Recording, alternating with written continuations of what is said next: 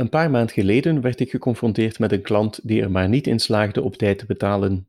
Herhaalde beloftes werden niet ingelost en het leek niet te lukken om het geld ook echt op een bankrekening te krijgen. Zo'n situaties vreten aan je en ik stond echt op het punt de factuur door te sturen naar incasso. Met die betaling is het uiteindelijk toch nog goed gekomen, al heb ik daarna van die klant niets meer gehoord. Dat is voor mij meteen een teken om het volgende keer anders aan te pakken. Hoe? Daar zoek ik vandaag een antwoord op. Ik ben Steven Segaert en dit is de Vertaalpodcast. Welkom bij de Vertaalpodcast. Internetradio met tips en informatie voor ondernemende vertalers.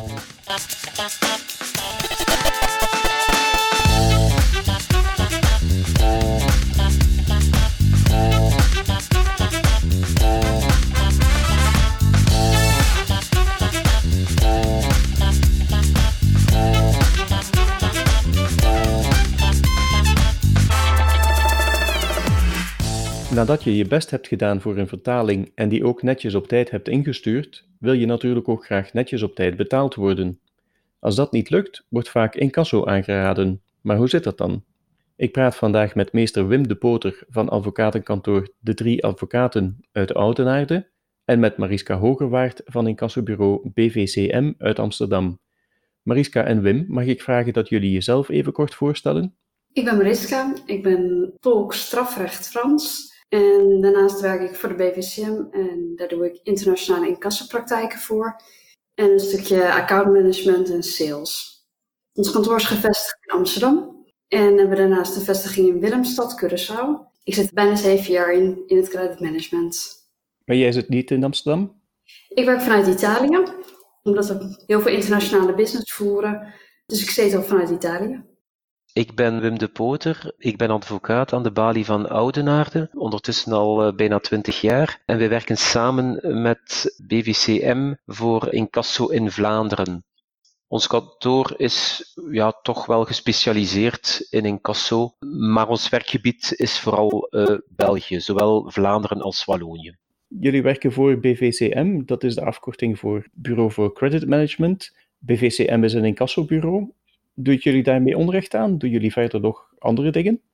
De afkorting BVCM die staat inderdaad voor Bureau voor Credit Management. En de volksmond worden wel een kassakantoor genoemd. Maar de BVCM biedt natuurlijk meer dan alleen kassadienstverlening. De BVCM voorziet bijvoorbeeld in e-facturatie, debiteurenbeheer, middelijk en gerechtelijk incasso, detachering en trainingen binnen ons vakgebied. Het zijn redelijk abstracte diensten waar jullie wellicht niet echt een beeld bij hebben. Dus om het wat sprekender te maken, zal ik jullie wat voorbeelden geven. Zo kreeg ik bijvoorbeeld afgelopen week de vraag van een groot internationaal bedrijf dat op zoek is naar een zakenpartner die in staat is incassovorderingen wereldwijd in behandeling te nemen. Dat bedrijf wil graag één aanspreekpunt voor alle dossiers die ze in behandeling hebben, ongeacht in welk land een dossier in behandeling is en in welke taal er met debiteur gecommuniceerd wordt. De die biedt die mogelijkheid dankzij een groot netwerk wereldwijd en dankzij diverse medewerkers die meertalig zijn. Ook is de specifieke landskennis in huis. Want zoals de taal divers kan zijn, kan natuurlijk ook de betaalcultuur en de wetgeving per land verschillen. Mm Ik geef je nog een ander voorbeeld. Recentelijk heb ik een vordering kunnen incasseren voor een Nederlandse opdrachtgever met een debiteur in België. Mijn opdrachtgever had een dienst geleverd waar de debiteur niet tevreden over was. Die had zijn ontevredenheid al geuit richting de opdrachtgever voordat de vordering in behandeling was. Maar mijn opdrachtgever voelde zich ja, in zijn eer aangetast omdat hij van mening was dat zijn geleverde kwaliteit en dienst zeker goed was. Nou, dat loopt al wat uit de hand en escaleert de situatie. De debiteur die betaalt niet en geeft aan, ik ga de hele handelsrelatie beëindigen. Mijn opdrachtgever die schakelt dan de BVCM in. En dankzij onze bemiddeling hebben we uiteindelijk een compromis weten te sluiten, waarin de debiteur de hoofdsom en de rente betaalt. Dus door het schakelen van ons als derde partij, dan kun je de emotie uit die hele affaire halen. En worden de gesprekken vaak een stuk effectiever. Oh ja. Maar eh, wacht even, jij bent tolk. Wat doe je precies bij BVCM? Dat klopt. Ik ben inderdaad gerechtstolk Frans in strafzaken. En lijkt voor veel mensen de combinatie tolk-strafrecht en creditmanagement wat ver uiteen. Ik ervaar dat zelf niet zo, omdat de rode draad in mijn studieloop en carrière altijd mijn meertaligheid geweest is.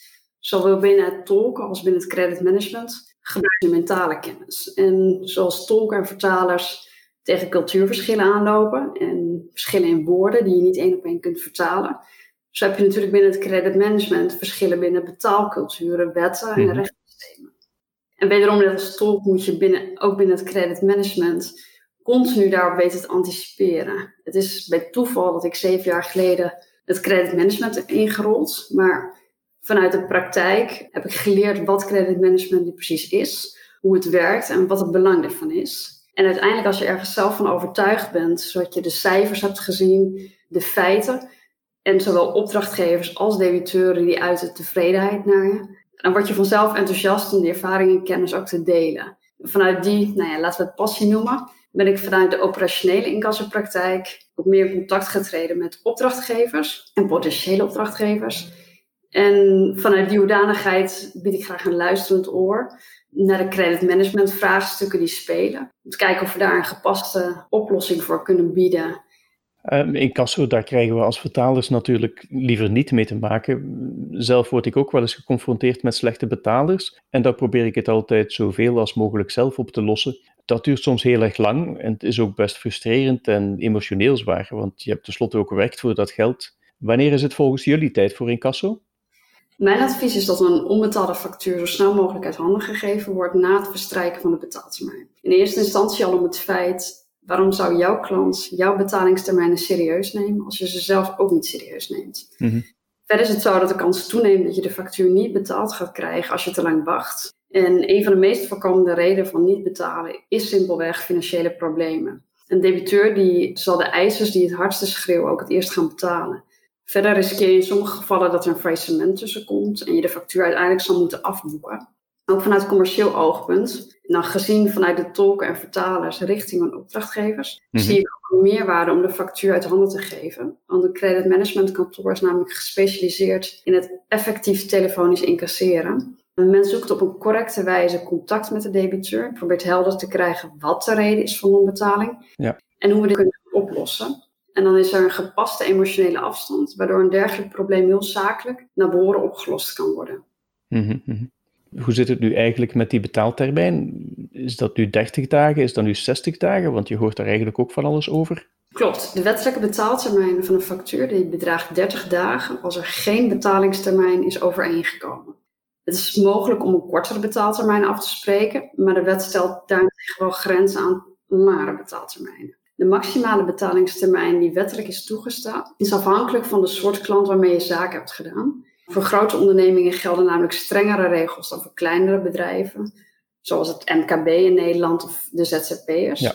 Voor de overheid gelden ook andere regels, als je het hebt over betalingstermijnen. En voor particulieren gelden geen wettelijke betalingstermijnen. Maar wellicht niet onbelangrijk te melden, de betalingstermijn die begint pas te lopen na ontvangst van de factuur. En dus niet vanaf de factuurdatum. Ja. Is dat in België dezelfde regeling, Wim?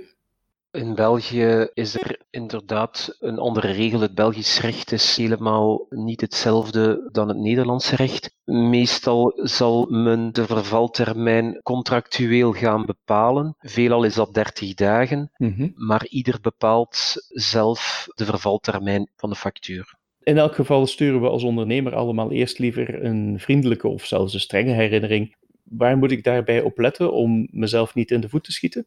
Strikt juridisch gezien uh, hoef je in Nederland na de vervaltermijn alleen een ingebreekstelling te versturen. Mhm. Hiermee zorg je ervoor dat de kosten ook opgenomen kunnen worden in de dagvaarding en het vonnis bij een eventueel gerechtelijke procedure. Mijn advies is om een herinnering, aanmaning en dan een ingebreekstelling te versturen. In feite kun je binnen drie weken dit traject afronden en als er dan niet betaald is, uh, kun je de factuur ook onmiddellijk uit handen geven. Ja, stel dat ik het probleem naar jullie doorschuif. Kun je dan even schetsen hoe dat dan loopt? Allereerst zal er een overeenkomst gesloten moeten worden tussen uh, jou en de BVCM. Dat kan vrij vlot geregeld worden. De BVCM biedt incassodienstverlening aan voor no cure, no pay. Dat betekent simpelweg, je betaalt dus enkel wanneer wij daadwerkelijk voor jou geïncasseerd hebben. Mhm. De opdracht van de openstaande factuur kun je via de e-mail doen of via ons webportaal indienen. Wij verzoeken je dan zoveel mogelijk contactgegevens van jouw klant aan te leveren en relevante stukken. Bijvoorbeeld het contract wat je hebt, de opdrachtsbevestiging of een kopiefactuur. Zodra dat ontvangen is, gaan we er ook direct mee aan de slag. De debiteur die zal dan aangeschreven en benaderd worden via de post, mail en telefoon. Mhm.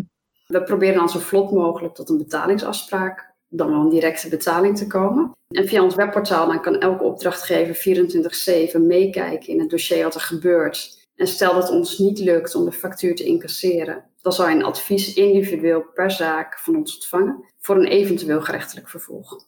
En stel dat de schuldenaar dan uiteindelijk toch niet wil betalen, wat gebeurt er dan? Moet je dan naar de rechtbank? En doen jullie dat dan ook? Vooropgesteld niets moet, want de opdrachtgever die besluit uiteindelijk of wij wel of niet in rechten gaan. De BVCM vraagt altijd om een getekende machtiging als er geprocedeerd moet worden. Mhm. De BVCM die heeft haar eigen juristen in huis die de procedures kunnen voeren. En in Nederland is het zo dat er vanaf 25.000 euro uh, dat het verplicht is om een advocaat in te schakelen. En ook dat kan de BVCM voor je regelen. Mhm. Wim, jij bent zelf advocaat. Is dat dan nodig voor incasso in België? Loopt het daar dan anders? Inderdaad, ja, in België loopt het iets anders. Daar hebt u een advocaat nodig om een uh, procedure aan te vatten. Mhm. Een jurist aan zich kan niet een cliënt gaan vertegenwoordigen. Dat moet uh, een advocaat zijn die zijn cliënt dan vertegenwoordigt voor de rechtbank. Er zijn twee soorten manieren om een factuur te gaan invorderen in België. Dat kan ofwel buiten de rechtbank zijn. Dat is een nieuwe procedure, moeilijk genaamd de US-procedure, waarbij men een gerechtsdeurwaarder aanmaning laat sturen op verzoek van de advocaat. Ja. En als de debiteur niet tijdig reageert, binnen de maand, dan zal die gerechtsdeurwaarder een proces verbaal van niet-betwisting laten betekenen. Ja. Dat is een uitvoerbare titel, net zoals een vonnis, waarna de debiteur daar kan tegen reageren. Een tweede mogelijkheid is de dagvaarding. Dat biedt iets meer rechtszekerheid, omdat de rechtbank dan de stukken, de facturen, de aanmaningen zal bekijken en die zal dan een vonnis maken. Dat vonnis kan dan uitgevoerd worden door een gerechtsdeurwaarder. Ja. Het nadeel van de eerste procedure buiten de rechtbank is dat een debiteur verzet kan aantekenen in elke fase van het geding, zal ik maar zeggen. Ook op het moment dat er al beslag gelegd is, bijvoorbeeld. Mhm. Ja, wat zeer vervelend kan zijn, omdat die kosten dan kunnen oplopen. En zelfs als die factuur dan onbetwist is? Zelfs als die factuur onbetwist is, kan hij Mhm. gewoon om tijd te rekken Ja. toch naar de rechtbank gaan. Wat vervelend is. Bijkomend nadeel is ook dat men niet alle kosten en interesten kan gaan recupereren, omdat de wetgever heeft een plafond van 10% ingevoerd dat u kan invorderen. Dus wat zeer vervelend is, in de zin dat een debiteur dan kosteloos krediet krijgt. Mhm. Ja, dan kan hij, laat ons zeggen, over een jaar, over twee jaar de betalingen spreiden, terwijl ja, dat toch maar 10% kan aangerekend worden bovenop de openstaande facturen. Mhm. Mhm. In tegenstelling tot een dagvaarding, daar blijven de interesten wel lopen. Ja. En daar heeft de klant, de opdrachtgever, toch iets meer rechtszekerheid dan in het geval van de buitengerechtelijke incasso. Oké, ja. Hou ik daar uiteindelijk nog wel iets aan over als ik incasso inschakel? Hoe zit het dan met kleine bedragen? Goh, zelfs voor kleine bedragen kan incasso nog interessant zijn, eh, omdat wij als advocatenkantoor dan de kosten hoe dan ook beperken tot de interesten en het schadebeding. De regel is dat de openstaande factuur dat die bestemd is voor de cliënt. Dus in C is het meestal lonend om dat te doen. Het is enkel in geval dat er een onvermogen is van de debiteur dat er een zeer minimale kost wordt aangerekend. Ja, dus niet echt no cure, no pay in België, of wel? Laat ons zeggen dat dat wel de regel is, maar enkel in geval van een faillissement zullen de voorgeschoten kosten worden aangerekend. Maar het principe van no cure, no pay geldt ook wel in België. Ja. Eens die procedure is ingezet, ben ik dan eigenlijk nog baas over wat er gebeurt. Want als die klant alsnog betaalt of als we een regeling treffen, hoe gaat dat dan? Vrij eenvoudig, indien de procedure lopende is, zal de debiteur ook de kosten moeten betalen. Tenzij dat de opdrachtgever van oordeel is dat er andere belangen spelen, commerciële belangen dan, en dat hij dan de kosten zelf ten laste neemt. Ja. Meestal uiteraard staat in de contractuele voorwaarden, dus in de kleine lettertjes achteraan op de factuur, dat de debiteur moet instaan voor de kosten. Mhm.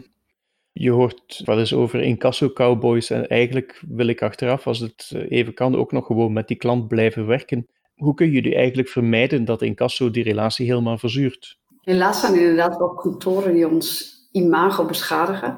Mhm. Eh, dat spreek ik nu voor de BVCM, want de BVCM garandeert echter dat debiteuren op een zeer correcte en gepaste wijze te woord worden gestaan, waardoor de commerciële relatie niet op het spel komt te staan. Zoals ik eerder aanhaalde, de BVCM is gespecialiseerd in het effectief telefonisch incasseren. Men weet welke vragen ze wel of niet mogen stellen en moeten willen stellen om een doel te bereiken. Een debiteur in het harnas jagen of dreigen met dreigementen die we toch niet waar kunnen of waar willen maken, zal geen enkel succes opleveren. Daarnaast heeft ook de BVCM een commercieel belang richting haar opdrachtgevers. Wij willen eveneens niet dat onze opdrachtgevers namens debiteur klachten ontvangen over onze benaderwijze. Dat zou namelijk ook onze reputatie schaden. Kortom, je zou een partij als de BVCM juist moeten zien als het verlengde van jullie eigen activiteiten. Waar jullie die dienst geleverd hebben en niet betaald hebben gekregen, neemt de BVCM het graag op een professionele wijze van jullie over. Het is zo dat op het ogenblik dat een dossier wordt doorgestuurd naar een advocaat, dat er meestal al een lang traject is voorbij gegaan. Tenzij dat het gaat over zeer grote vorderingen. Mhm. Wat doen wij als advocaat? Wij zullen op een gebiedende en hoffelijke wijze de debiteur aanmanen om te betalen, waarna hij de mogelijkheid heeft om ofwel in één keer te betalen, ofwel een afbetalingsplan te gaan afspreken, voor zover de opdrachtgever daar uiteraard mee akkoord is. Mhm. Reageert iemand niet, dan moeten wij verder en dan gaan wij de debiteur gaan, of gaan we zijn solvabiliteitstoestand gaan analyseren, waarna in overleg met de opdrachtgever er een beslissing moet worden genomen. Gaan we dagvaarden of niet? Ja. En daarvoor hebben wij heel wat tools in België om daar een eerste zicht op te krijgen. In concreto gaat dat over een opzoeking in de registers van het DIV. Dat is een, Mhm. een orgaan die de nummerplaten bijhoudt. Dus dat is een indicatie. Heeft iemand veel voertuigen in bezit? Qua schulden gaan we de beslagberichten even gaan nakijken. Iemand die een waslijst geeft aan schulden, ja goed, dat zal een overweging zijn. Hè. Eh, Ja. Gaan we door of gaan we niet door? De balans, als het een onderneming betreft, is door iedereen consulteerbaar op het web. Daar kan u ook al heel wat informatie uithalen. Als je het kan lezen. Als je het kan lezen, ja, dat is een voorwaarde. Maar goed, is niet zo makkelijk, denk ik. het is niet zo gemakkelijk. Maar goed, wij hebben daar ook wel een opleiding in gehad. Dus wij kunnen daar ook wel een eerste gratis advies in geven. En we hebben dan ook nog, en dat is wel zeer belangrijk, een heel netwerk aan gerechtsdeurwaarders in België die ter plaatse kunnen gaan ook. En die doet dan vaststellingen, die gaan kijken hoe, hoe het zit. Inderdaad, ja.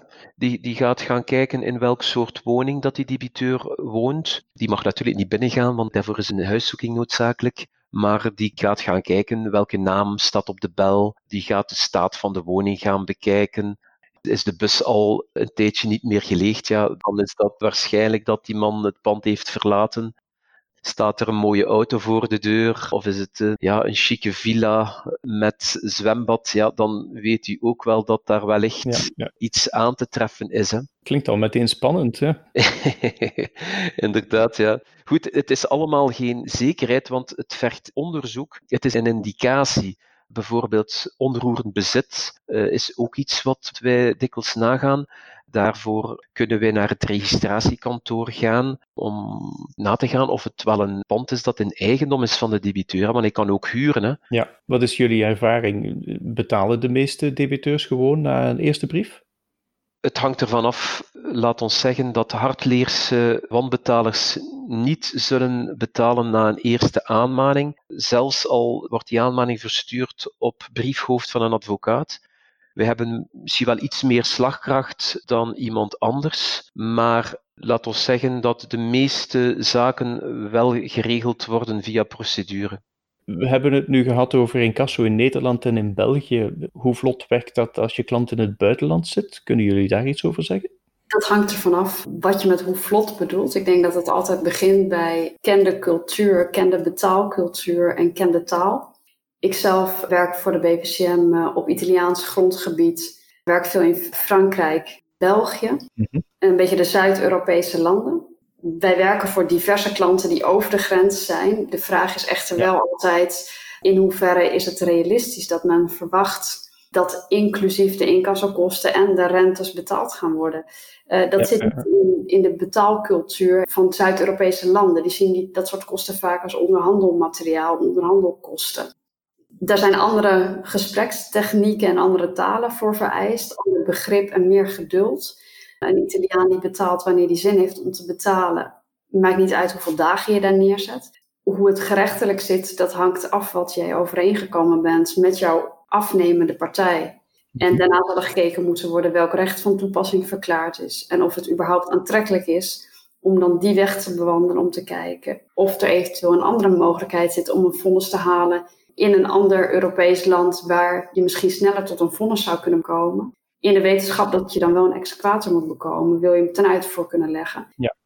Vaak zijn gerechtelijke procedures dusdanig ver over de grens niet heel aantrekkelijk, omdat het veel tijd in beslag neemt. En in die tijd kan er heel veel gebeuren met de solvabiliteit. Dus in dat opzichte denk ik dat een kantoor als BVCM een voordeel kan hebben ten opzichte van de advocatuur, waar men toch vaak richting de gerechtelijke procedures gaat. Uh, omdat daar ook winst zit in het stukje um, ga in gesprek, ga onderhandelen. Maar daar moet je de betaalcultuur en taal voor kennen.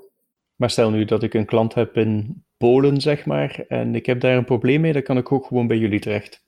Dan kan u uh, bij ons terecht en dan zal uh, een medewerker die de taal machtig is contact gaan opnemen met de debiteur. En indien nodig, wat ik eerder aanhaalde, we hebben een ontzettend groot netwerk wereldwijd. Kan er een lokale partner ingeschakeld worden, zoals ook Wim zei, dat we iemand lokaal langs kunnen laten gaan om constateringen te doen. Mm -hmm. ja. Ja, ik kan mij daar grotendeels bij aansluiten. BVCM heeft een, een groot netwerk om in het buitenland achter debiteuren te gaan. Dat geldt voor ons niet. Wij doen ook beroep op BVCM voor uh, buitenlandse vorderingen. Uh, ons werkgebied bevindt zich natuurlijk enkel in Vlaanderen en in Wallonië, niet in het buitenland, waar men bij BVCM beroep zal doen op lokale partners eerst minlijk en dan in tweede fase ook gerechtelijk. Want ja, goed, als men het geld niet heeft, ja, betaalt men enkel onder druk. En dan zal ook in het buitenland jammer genoeg een procedure noodzakelijk zijn. Hè? Mhm. Ja, als je vertalers nu één belangrijk punt zou kunnen meegeven, wat zou dat dan zijn? Schoenmaker hou je bij je leest en doe waar je goed in bent. Doe je vertaalwerk, stuur je factuur. Want de meeste vertalers zijn ZZP'ers, zelfstandigen, dus die zullen ook zelf een factuurtje kunnen moeten sturen. Krijg je hem niet betaald, neem gepaste afstand. Laat het over aan degenen die daar goed in zijn, die de gesprekken effectief voeren en de emoties eruit halen. Mhm, mhm, mhm. U hoeft helemaal geen schrik te hebben voor, voor incasso. Het is een noodzakelijk kwaad natuurlijk. En het komt erop aan om, om snel te handelen om, en zeker geen vorderingen te laten liggen, want hoe sneller u handelt, hoe meer kans u hebt op recuperatie.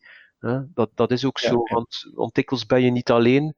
Zijn er meerdere schuldeisers die in de rij staan en diegenen die onmiddellijk gehandeld hebben, gaan meestal een centen nog hebben. Een, voorbeeld dat ik kan geven is, en dat, dat is iets wat wij nogal dikwijls toepassen bij heel grote vorderingen, dat is het bewaren beslag onder derden. Dat klinkt moeilijk, maar dat is vrij simpel gezegd het blokkeren van een debiteur zijn, zijn bankrekening. Dat kunnen wij in België zonder machtiging van de beslagrechter. Dus wij kunnen op basis van een niet betwiste factuur, Mhm. ik zeg maar iets, je hebt een factuur van 5000 euro die niet betwist is, en u kent het rekeningnummer van de debiteur, dan kunnen wij die debiteur zijn rekening morgen gaan blokkeren, zonder dat hij dat weet. Dat is wel een, een enorm verrassingseffect dat speelt in afwachting van de procedure die dan loopt. Ja, ja. Maar wat zien we dan in de praktijk? Ja, die debiteur, zijn bankrekening is geblokkeerd. Ja, op dat ogenblik, als er wat centen opstaan, wil hij dat zo snel mogelijk oplossen. En, en wil hij een regeling treffen en dan bepalen wij uiteraard de voorwaarden waaronder dat beslag wordt stopgezet. Hè. Ja, ja. Dat is de betaling van, van de factuur, interesten uh, en kosten. Hè. Dat is een goed instrument, ja. Voor kleine facturen is dat uiteraard niet aan te bevelen, omdat de kostprijs toch kan begroot worden op een 1000 euro. Dat is uiteraard te recupereren van die debiteur, maar als er finaal geen geld op die bankrekening staat en als die debiteur failliet gaat, is dat wel een procesrisico. Hè? Ja, ik onthoud inderdaad dat het belangrijk is om daar emotioneel ook afstand van te nemen en om incasso over te laten aan professionals. Het is ook in het kader van uh, de afnemende partij, dus hè, de debiteur voor ons, minder een drempel of een stukje gêne Mhm. om aan te geven aan een externe partij, joh, ik heb de middelen niet om nu te voldoen. Terwijl ik wel content was over het geleverde product of de dienst. Ja. Omdat ze naar ons toe geen gezichtsverlies hebben. Wij horen het heel zakelijk aan, constateren de feiten. Er zijn meerdere eisen, we zoeken naar een oplossing. Terwijl ze u kennen en ja, men liever niet de vuile was buiten hangt. Van joh, eh, Ja. ik heb de middelen niet. Van die kant had ik het nog niet bekeken. Allebei heel erg bedankt voor dit interview. Graag gedaan. Graag gedaan. Moeten we als vertaler sneller incasso inschakelen? Ik onthoud in elk geval dat je op je strepen moet staan en dat het belangrijk is om snel en kordaat achter slechte betalers aan te gaan. Meer nog, je loopt een risico als je dat niet doet. Om dat in de praktijk te brengen, heb ik zelf al even goed bekeken hoe en wanneer ik een herinnering, een aanmaning en een ingebrekenstelling stuur. Ik heb voor mezelf ook meteen een paar modellen gemaakt, zodat ik het hele proces zonder al te veel emotie kan laten verlopen. Deze en eerdere afleveringen van de podcast kun je vinden op www.confer.eu-vertaalpodcast. Dat is www.confer.eu-vertaalpodcast. En je vindt de podcast ook in nagenoeg elke podcast-app. Heb je een mening over deze aflevering? Stuur me gerust je reacties en ideeën. Over twee weken ben ik er weer. Tot dan!